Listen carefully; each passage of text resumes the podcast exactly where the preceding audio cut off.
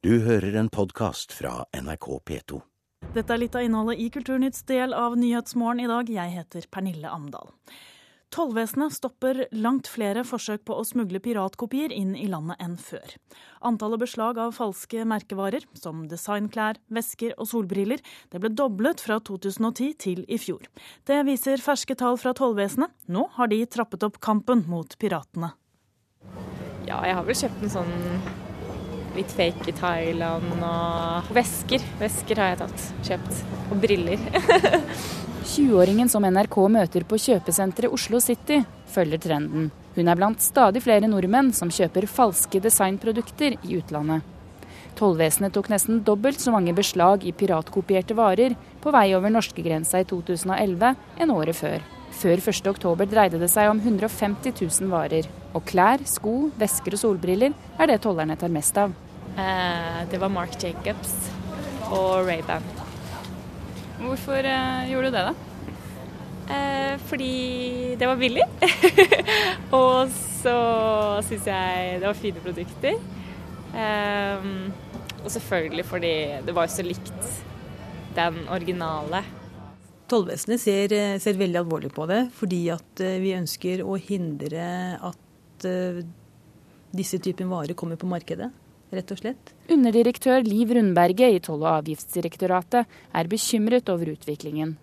Tollvesenet har økt innsatsen gjennom mer mannskap og grundigere opplæring av tollerne. Det er ikke alltid like lett å avsløre en god kopi.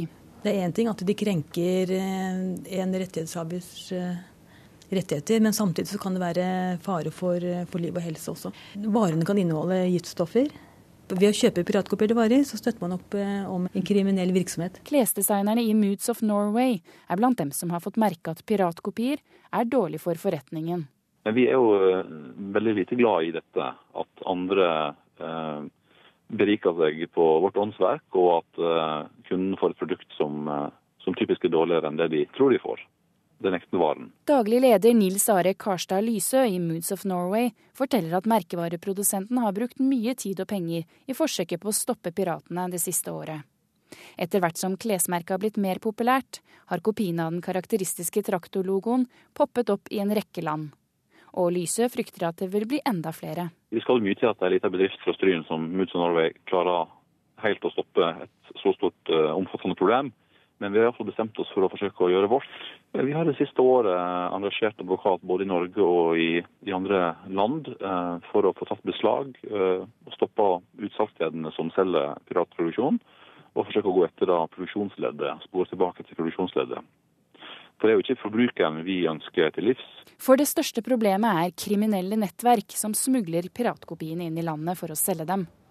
Men privatpersoner sørger også for at falske sko vandrer i norske gater. Når du kjøper sånne varer, eh, tenker du på hva, at det kan ødelegge for de som lager originalene?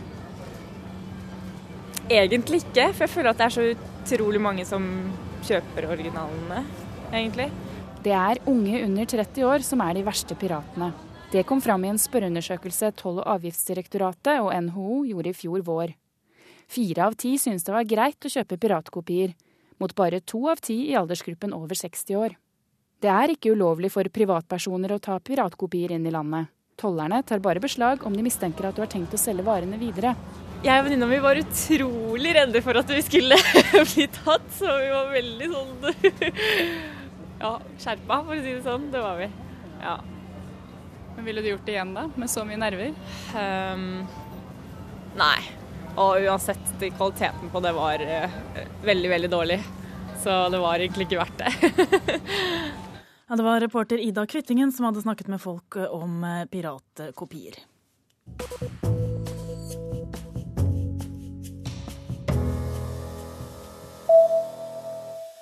Et heldigitalt bibliotek er for første gang kåret til Årets bibliotek. Det er nettstedet helsebibliotek.no. I juryens begrunnelse står det bl.a. at helsebibliotek.no bidrar til å dekke et stort informasjonsbehov. Det gir fri tilgang til nyttig og pålitelig kunnskap for hele Norges befolkning, og også til bibliotek innen medisin og helsefag og hele helsesektoren. Det amerikanske militæret og CIA etterforsker påstander om at den amerikanske filmregissøren Catherine Bigelow skal ha fått hemmeligstemplet informasjon om drapet på Osama bin Laden. Den Oscar-belønte regissøren holder på med en spillefilm om drapet, som etter planen skulle ha premiere til høsten. Tonight, I can report to the American people and to the world that the United States has conducted Osama bin Laden, the leader of Al Qaeda, and a terrorist who's responsible for the murder of thousands of innocent men, women, and children. 1. mai i fjor var jakta på Osama bin Laden over. President Barack Obama kunngjorde at amerikanske soldater hadde omringa og tatt livet av Al Qaida-lederen i Pakistan. Samtidig var filmregissør Catherine Bigelow godt i gang med en spelefilm om bin Laden. Av naturlige årsaker måtte hun nå skrive om slutten på filmen. Men nå har det kommet fram påstander om at kilder nær Obama skal ha gitt henne tilgang på hemmeligstempla materiale fra aksjonen i Pakistan. Derfor har Forsvarsdepartementet og CIA satt i gang granskinger av opplysningene, melder nyhetsbyrået AFP. Welcome to Camp Victory. Oh, Camp Victory? This was Camp Liberty. Oh no, they changed that about a, a week ago. Victory sound better. Catherine Bigelow vant Oscar for beste regi for filmen The Hurt Locker, som kom i 2008. Filmen handler om amerikanske bomberyddere i Irak-krigen. Filmen fikk også fem andre Oscar-priser. Premieren for bin Laden-filmen har vært utsatt flere ganger, men har nå fått en foreløpig premieredato i desember. Det fortalte reporter Espen Alnes. Ja, I ettermiddag sender Kulturnytt fra Kristiansand og åpningen av Kulturhuset Kilden. Den begivenheten skal vi straks tilbake til. Først skal vi høre litt om forventningene til innholdet i det som blir Norges nest største og dyreste kulturhus. Sjefen for Riksteatret, Ellen Horn, frykter at uh, Kilden i Kristiansand kan bli lite folkelig om ikke kommunen stiller opp. Teater- og konserthuset har allerede varslet kutt i forestillinger og dyrere leie av lokalene. Vi loddet stemningen i går. Det er jo den store utfordringen for alle kulturhus i landet vårt. Det er jo å balansere aktivitetene slik at det når frem til alle. Så det må settes av midler til driften. Det må ikke være slik i landet vårt at man bare bygger hus og glemmer at de også skal driftes etterpå. Det er det flere andre hus som har brent seg på, og det håper jeg at ikke vil skje i Kristiansand. Ja, Men du ser den, ja, den faren at det kan skje også i, i Kristiansand? Ja, ser, det skjer veldig mange steder. At det blir et, en ubalanse. Ellen Horn har troen på at Kilden kommer til å være et folkelig hus for alle, men roper et klart varsku. Flere andre kulturhus og arenaer har måttet gi tapt for markedskreftene. I desember i fjor kom nyheten om at 77 Kilden-forestillinger kan bli avlyst, f.eks. barneforestillinger og arrangementer for eldre. Leien av lokalene vil trolig øke, da Kilden mangler flere millioner for å opprettholde driften. Staten har bidratt med over 96 millioner kroner for 2012, og kulturminister Anniken Huitfeldt mener det nå er opp til Kilden og kommunen å gjøre huset åpent for alle, både publikum og utøvere. En ting er å bygge hus, men vi må også følge forpliktelse til å det med innhold. Vi har fulgt fra statens side, og så håper jeg også kommunen gjør det i årene som kommer. Hvis oppmerksomheten eh, går ned, og det blir litt halvfulle saler etter hvert, er man da nødt til å, å bare fokusere på kommersielle forestillinger? Vet du hva, Det spørsmålet fikk vi også da vi bygde operahus. Og Problemet i dagens opera er at det er for få billetter. Det kommer eh, folk med Kiel-ferja for å være med på operaforestillinger. Jeg er helt sikker på at Kilden kommer til å bidra til at folk kommer med busslasser fra Stavanger og Oslo og båt fra Danmark for å se hva man har fått til her. Ja, det håpet uh, kulturminister Anniken Huitfeldt. Reporter her var Håkon Løtveit. Og så er det slik at Kulturnytts sending blir litt utenom det vanlige i ettermiddag. Vi har bl.a. Eh, skiftet uh, studio. Jeg kan si god morgen til deg, kollega Turi Grønbekk. God morgen, Pernille. Du er programleder i ettermiddag for denne sendingen. Er nå i Kristiansand. Hva driver dere med? Du, akkurat nå så, så, holder vi på å rigge til et provisorisk radiostudio, får vi kalle det da, eh, i foajeen på Kulturhuset Kilden. Så akkurat nå så sitter jeg og prøvesitter stolen, som jeg skal sitte i ettermiddag, og ser ut mot sjøen. Foajeen den er han er i hvert fall like lang som en håndballbane. Det er svært her. Glassvinduer ut mot sjøen, eh, bølgende tak som beveger seg utover. Skifer på gulvene, lilla vegger. Altså, om noen timer så kommer det til å syde av folkeliv her, men akkurat nå så er det helt stille. Litt sånn stille for eh, stormen. Bentein Bårdsson, god morgen. God morgen, god morgen. Bentein Bårdsson, du er jo administrerende direktør for hele Kilden. I dag er det feståpning. Hvordan har du det nå? Ja, Vi har nesten ikke tid til å kjenne etter, for å si det sånn. Det kan jo være kanskje det beste. Men det er klart vi er litt, vi er litt nervøse, ja. Vi er det. Eh, men vi har isvann i blodet. Og vi syns vel kanskje at det gikk sånn noenlunde greit i går da vi hadde full generalprøve. Ja, i, ja full generalprøve, det var det i, i går kveld. Og, og, da sa du bl.a. at alt som skal gå galt, går galt på generalprøven. Hvor mange feil talte du i går? Nei, vi, vi sluttet å telle. Nei, det var mye som gikk gærent. Det var det. Men vi klarte i hvert fall å komme gjennom uten stopp. Og det var i grunnen det viktigste i går, da.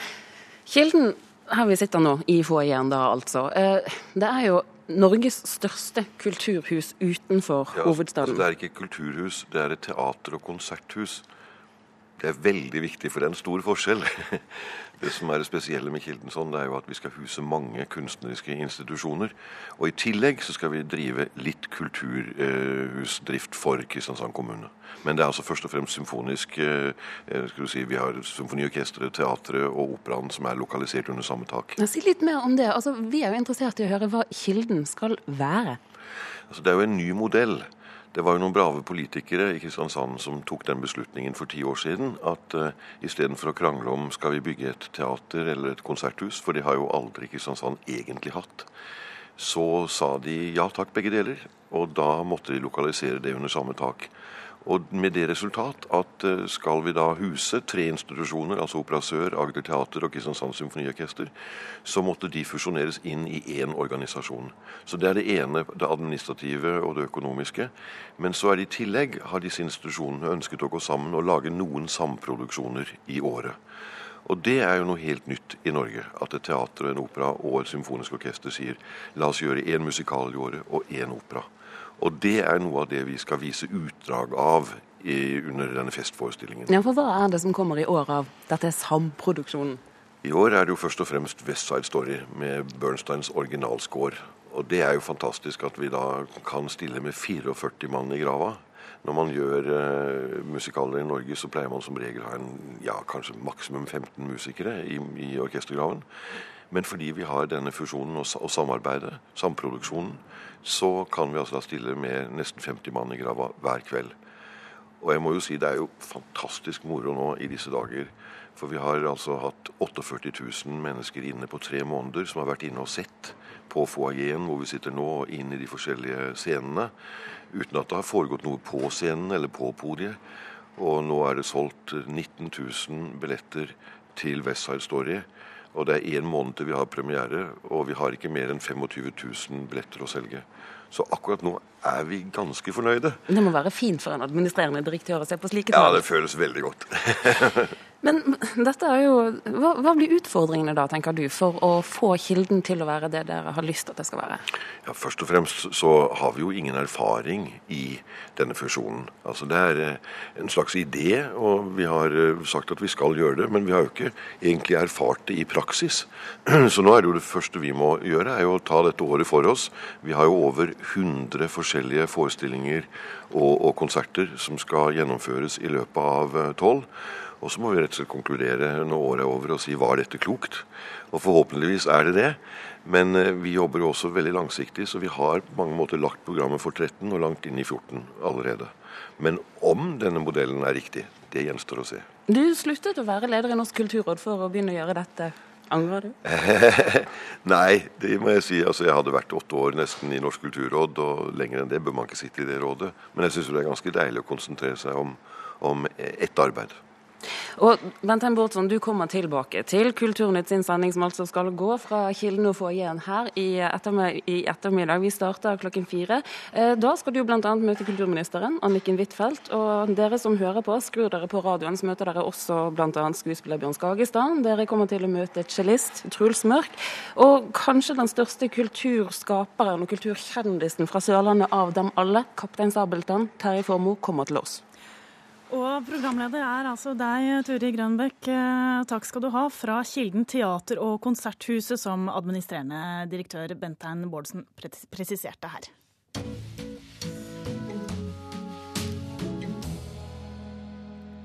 Det nye kulturåret ruller av gårde, og denne uken så ser vi i Kulturnytt på hva vi har i vente. Kunstkritiker i NRK Mona Palle Bjerke, du har eh, oversikten over hva vi kan se i gallerier og på museer. Hva er du mest spent på? Ja, nå er jeg veldig spent på den utstillingen som Bergen Kunsthall innleder året med. Santu Mofokeng. Det er en sørafrikansk kunstner som utforsker både myter knyttet til en afrikansk virkelighet, men også det forføreriske fotografiske språket. Men den virkelig store hendelsen i Bergen, som er i regi av Kunstmuseet i Bergen, det er den kinesiske, mye omtalte, kontroversielle kunstneren Ai Weiwei i oktober. Og han stiller da ut sammen med seks andre kinesiske kunstnere, så det blir spennende. Jeg er også veldig spent på den utstillingen som Horten Prøys museum i Horten skal ha, som er motefotografi, skandinavisk motefotografi gjennom tidene. Er det noen nye fremadstormende kunstnere vi eh, får stiftet bekjentskap med i 2012? Ja, en jeg da gjerne vil nevne, er Ann-Katrin November Høibo, som er, var ferdig utdannet i mai eh, ved Akademiet, og som nå da er invitert inn i det mange vil se på som det gjeveste av alle kretser, nemlig Eivind Furnesvik-Stahl, da galleriet Standard Oslo. Og hun har den første separatutstillingen der om noen uker, og så litt senere på våren på Henny Onsdag Kunstsenter. Så det er jo en feiende flott start for en ung kunstner. Og noen av våre lyttere vil huske eh, November Høibo som den kunstneren som utstilte en undulat som del av et verk, og hvor en annen kunstner og dyrevernaktivist befridde denne fuglen. Da. Dette omtalte vi i Kulturnytt. Det knytter seg alltid en viss spenning til Nasjonalmuseet, et museum som består av fire biter. Vi rekker ikke alle, kanskje, men helt kort, hva er det som skjer i de forskjellige avdelingene? Jeg vil jo si at Nasjonalgalleriet har et solid program. Jeg er spent på Christian Krogh-utstillingen eh, som åpner i juni. Dette er jo vår store samfunnsrefser og realist. Eh, og, men også så åpner de en stor utstilling med verdensberømte Emil Nolde, en tysk kunstner, som også blir spennende. Når det gjelder Arkitekturmuseet, så syns jeg det er mer blandet. Men de har i hvert fall én sånn helt eh, stor godbit. Den er riktignok ikke produsert av dem, eh, men ikke desto mindre. Det er eh, Architecture of Consequence, som altså handler om bærekraftig arkitektur. Og det er nederlandske arkitekter primært, og ett norsk prosjekt. Og hvor de da utforsker hvordan arkitekter kan bidra til å løse klimarelaterte problemstillinger. Når det gjelder Kunstindustrimuseet, så har de en sånn storsatsing som heter Kongelige reiser. Og dette er nok en publikumshit. Men jeg klarer ikke sånn å oppdrive den helt store forventningen og begeistringen. Jeg syns det er litt sånn nostalgisk og tilbakeskuende. Og det kan bli interessant nok, men det er så mye annet utrolig spennende man kunne ta tak i av designrelaterte problemstillinger. Når det gjelder Samtidsmuseet, hva med det? Ja, På Museet for samtidskunst nå skal man jo være eh, forsiktig da, med å evaluere utstillinger som ennå ikke har åpnet. Men når jeg leser programmet da, som en type meny, så merker jeg at det er noe litt sånn avtennende i hele språkbruken, i hele tankegangen da, som kommer til uttrykk. Og det er veldig mye sånne utstillinger som utforsker et medium. Sånn tegning under lupen. liksom Prisme er det en utstilling som heter. Og så er det en som heter I Wish This Was A Song, som utforsker liksom forholdet mellom musikk og samtidskunst. Og de jobber liksom hele tiden med disse kategoriene. Musikk er én ting, eller lydkunst er én ting. Og så er det den visuelle kunsten som er noe annet. Og så har vi tegningen, som er et eller annet felt. Og det er sånne kategorier som på en måte ikke er så relevante i samtidskunsten mer. Og, og som jeg ville ønske meg mye mer utstillinger som sprang ut av ideer, og hvor de brukte verk til å illustrere og utforske disse ideene. Men det de er flinke på ofte, det er å velge gode kunstnere som kan skape spennende utstillinger både på et innholdsplan og visuelt sett. Dette var Norge, Mona Palle Bjerke. Er det noe som er verdt å reise ut av landet for? Ja, det er det alltid. og Man kunne reise hele tiden. En utstilling som jeg syns er veldig spennende, er uh, The Century of the Child på Museum of Modern Art i New York, som handler om, eller som utforsker hvordan forestillinger om barnet da, har avspeilt seg i formgivningen, i design. Og den virker veldig spennende. I tillegg til avantgardens kvinner på Luciana, som eh, utforsker, eller fremhever da, de vesentlige kvinnene i avantgardebevegelsen, radikale bevegelsen på 2030-tallet. Takk skal du ha for disse anbefalingene, Mona Pale Bjerke. Og på tampen av Kulturnytt tar vi med at i 1961 så vendte den svenske Nobelkomiteen i litteratur tommelen ned for tolken, som var en av de innstilte til litteraturprisen. Dette melder Jyllandsposten.